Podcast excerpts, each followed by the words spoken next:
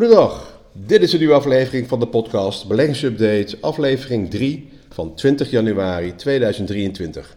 Mijn naam is Joost Bors. Elke week een kort overzicht over de beurs, beleggen, aandelen en vermogensopbouw. Ook een praktijkcasus. Met deze week, ja, wanneer stap je nou weer in met al je overtollige cashgelden? Wanneer ga je met je kasgeld wat doen? Nou, een sterke beurs, zeker de afgelopen dagen. Wereldwijd blijven de beurzen goed liggen en er stroomt weer geld van beleggers naar de aandelenmarkten. Er heerst een positief gevoel over de inflatie en economische groei. Wat ik verleden week zei, het lijkt wel op een golden lock scenario. Ja, dinsdagmiddag of, uh, om uh, rond 4 uur verraste de Europese Centrale Bank met een uitgelekt bericht via de nieuwsdienst van Bloomberg dat het van plan zou zijn om het tempo van renteverhogingen te verlagen. Nou, na een verwachte verhoging van 50 basispunten in februari zou in maart een renteverhoging van slechts 25 basispunten volgen. Dat zou een minder hardere opstelling zijn dan waar ECB-voorzitter Lagarde in december nog voor waarschuwde. Rentes zouden wat de ECB betreft nog wel veel verder kunnen worden verhoogd, hield ze ons toen voor. Nou, het zal wel verhoogd worden, maar de stapjes worden misschien wat kleiner en misschien wat minder. Ja, de energieprijscrisis neemt in Europa door het warme winterweer en zuinig gebruik van gas af, waardoor die druk op inflatie afneemt en een veel hogere beleidsrente dus niet nodig is. Dat is ongeveer ook waar de, wat de ECB ziet. Ze, willen even gaan kijken hoe die inflatiecijfers zich ontwikkelen. Nou, de komende dagen krijgen we eh, behalve macrocijfers ook heel veel bedrijfscijfers, maar ook uh, vooruitzicht van het bedrijfsleven. In Amerika zijn ze al helemaal losgegaan.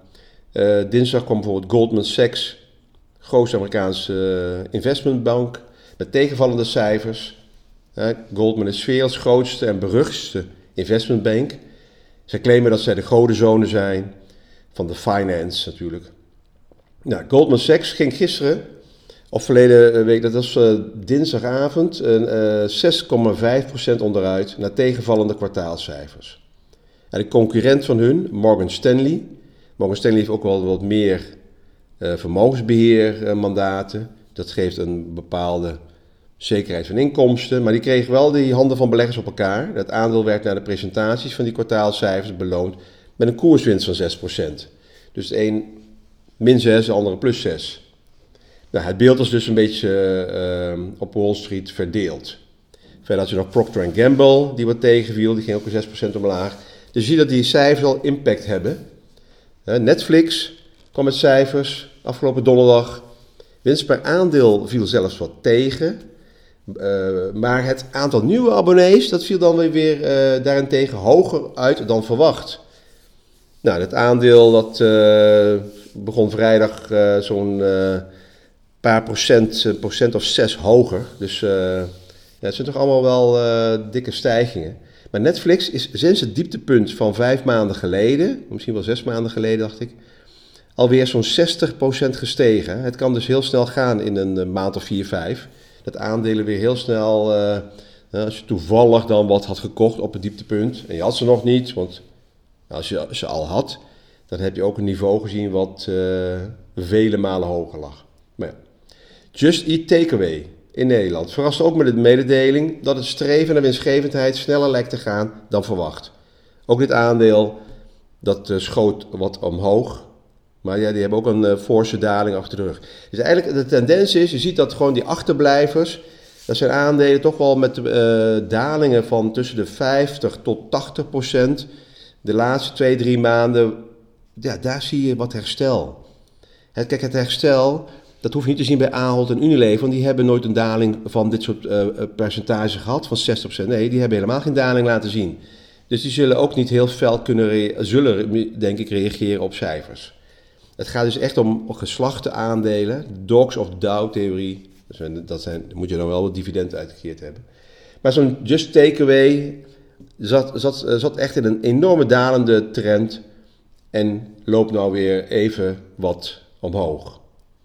Nou, van de 55 bedrijven afgelopen week uit de S&P 500 in Amerika, die tot nu toe hun kwartaalcijfers hebben gepubliceerd, heeft zo'n 70% de winstverwachting van analisten met gemiddeld zo'n 4% overtroffen.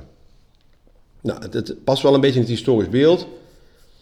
Ehm, nou, dit, het geeft wel aan uh, dat de winstmarges uh, wat zijn gedaald. er ligt iets onder het gemiddelde. Maar ja, het cijferseizoen is nog maar net gestart. Om te kijken hoe het verder uitpakt voor de beurs. Maar je kan individueel her en der wat behoorlijk wat uitschieters gaan krijgen. Nou, volgende week gaat het volgens mij helemaal los met cijfers. Dus ja, volg het maar een beetje. Nou, op macrogebied, of landen, hè, de heropening van China leidt wel tot een optimistische voorspelling van strategen en fondsmanagers over de hele wereld. Ik zie heel veel koopaanbevelingen voor China. Morgan Stanley Goldman Sachs zien Chinese aandelen uh, dit jaar, uh, dus de index, ongeveer 10% stijgen. En de City Global Wealth Investments ziet nog een groter opwaarts voordeel van ongeveer 20% voor de Chinese beurs. Nou, dus dat geeft allemaal aan dat dat bijvoorbeeld China op de radar staat van wat grote westerse banken en vermogensbeheerders. Nou, je hebt ook nog uh, Alibaba. Daar heeft een Amerikaanse investeerder een belang in genomen.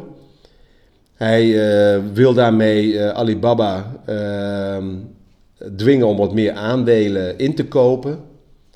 Het, is eigenlijk heel, komt zelden voor dat een Chinees, prominent Chinees bedrijf Ehm, ja, door een, eh, een, westerse aandeelhouder wordt gesommeerd wat meer te doen om zijn aandeelkoers wat op te krikken, zijn aandeelwaarde wat op te krikken.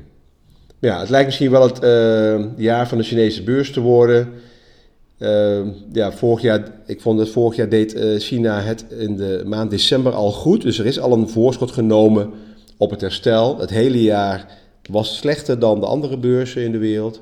En Komende zondag is het uh, Chinees nieuwjaar en dan is China even een paar dagen dicht. Ja, nu we weer twee weken aan het stijgen zijn, komen de beleggers met kasgeld stiekem weer terug naar de beurs. Nou, het beursjaar 2023 is alweer een paar weken onderweg. Maar de vraag is, ja, moet ik nu nog instappen? Of, uh, ja, ja, weet ik ook niet. Uh, zegt de ene, welk weet, doe ik wel, wel niet. Maar instappen kan altijd. Sterker nog, het maakt voor je rendement op lange termijn vaak weinig uit wanneer je begint. Simpel gezegd is eh, koop laag en verkoop hoog de manier om geld te verdienen op de beurs. Er is echter één probleem, wanneer is die koers dan precies laag? Dat weet je vaak pas later. Kijk, als een aandeel als Netflix, ja, die daalde dus uh, uh, al 30%, koop je dan, of koop je dan als het 60% gedaald is of 80%, maar jij zal een keer, als je het aandeel zou willen hebben, een keer kunnen instappen en dan zie je, er komt er ook alweer een stijging. Dus de, uh, er is echt een, de, de vraag is wanneer is dan een koers laag? Ja, dat weet je altijd achteraf, pas later. En dan kan je zeggen, ja nou, dat kan je vooraf zien. Nee, want ondanks dat er voor analisten een uh, aantal manieren is om dat te bepalen, zoals koers-winstverhouding, is er een veelvoud aan onvoorziene dingen die een beurskoers kan beïnvloeden. Er komen heel veel dingen bij kijken die, waar je geen invloed op hebt. Er breekt, om maar iets te noemen, een pandemie uit, hè, corona of een oorlog. En alles wordt onzeker. Zelfs normale macro-economische ontwikkelingen krijgen vaak hun eigen dynamiek. Natuurlijk kun je dan op korte termijn weer uitstappen, maar dat is potentieel dramatisch voor je beleggingsresultaten. Er zijn natuurlijk ook al mensen die vorig jaar verkocht hebben op het dieptepunt in december. En die zien nou die beurs weer stijgen. Ja, wat moet je dan weer gaan doen? Nou, je moet altijd een lange termijn visie hebben. Je doelstellingen uit die moet je weten. Waarom beleg je en wat zijn de dingen? Nou, omdat de toekomst pas uitwijst waar de koers naartoe gaat, is het vrijwel onmogelijk om de beurs zo te timen dat je op korte termijn een flinke winst bijschrijft.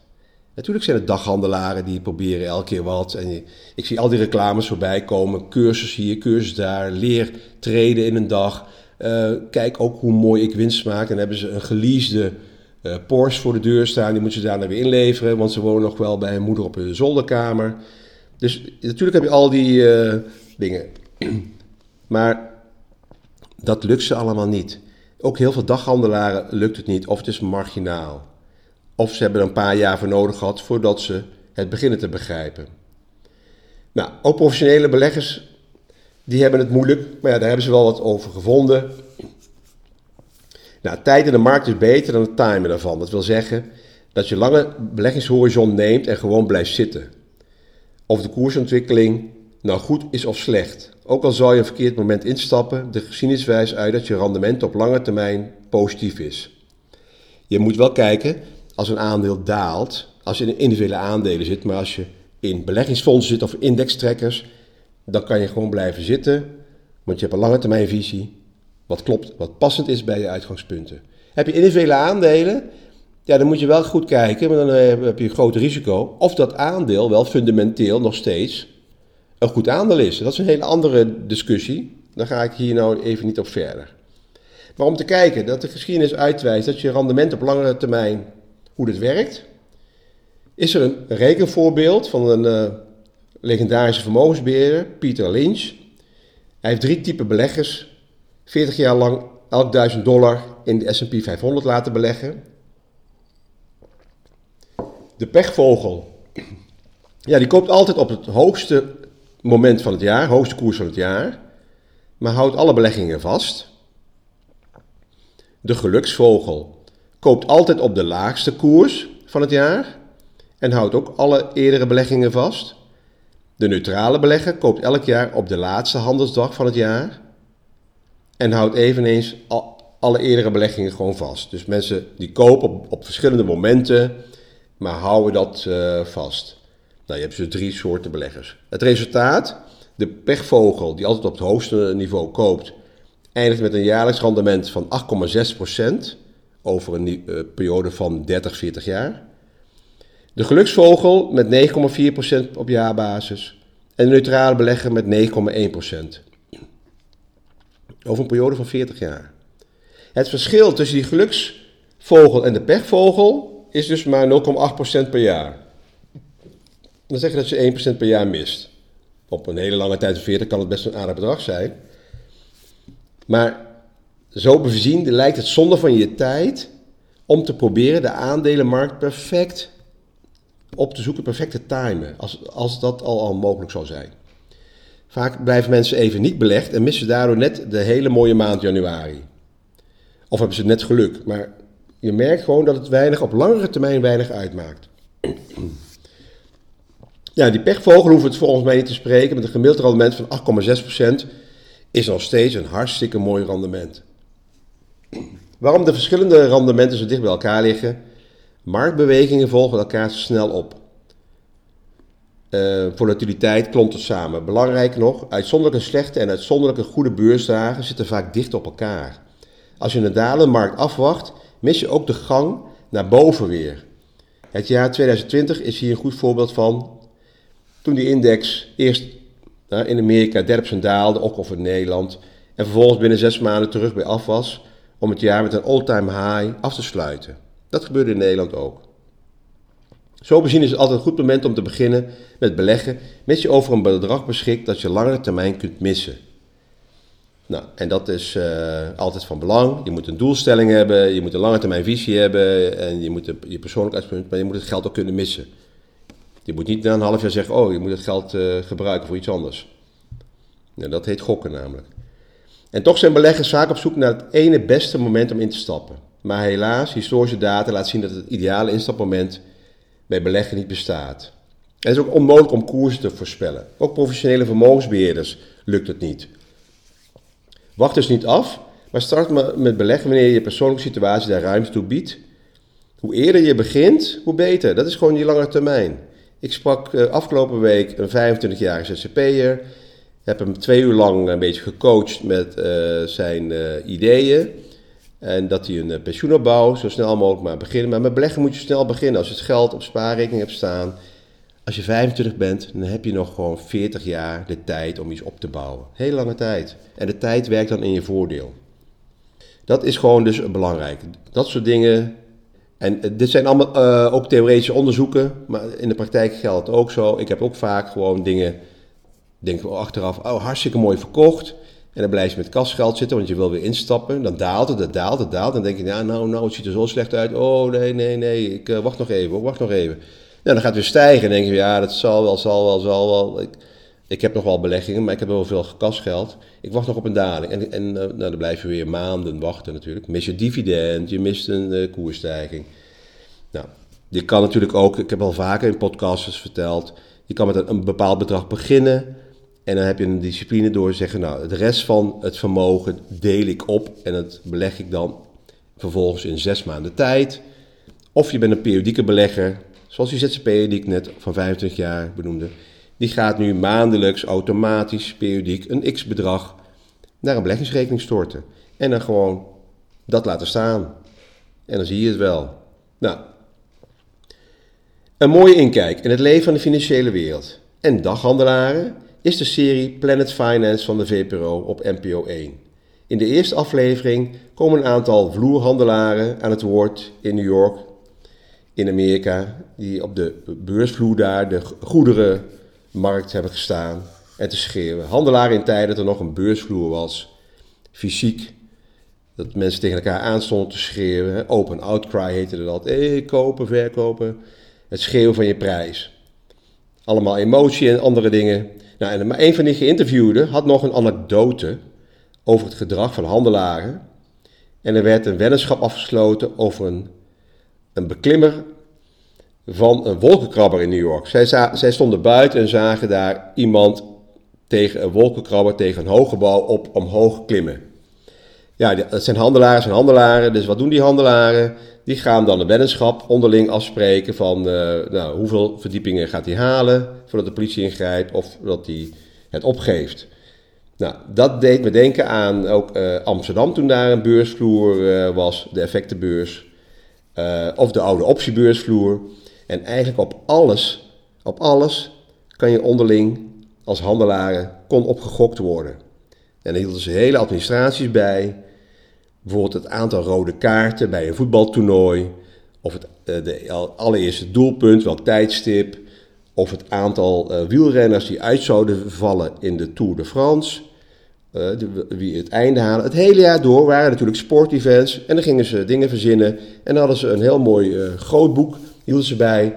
Een soort echte soort beurzen, bied- en koop- en verkooporders werden ingelegd. Het kan ook hartstikke fout aflopen. Maar het was wel leuk om te zien. Nou, dat is een van die afleveringen van Planet Finance. Er komen meer dingen daar verder voorbij. Nou, dank voor het luisteren. Ik heb wat last van mijn stem, maar alles is op persoonlijke titel. Geen direct advies en op basis van openbare informatie. Tot de volgende week.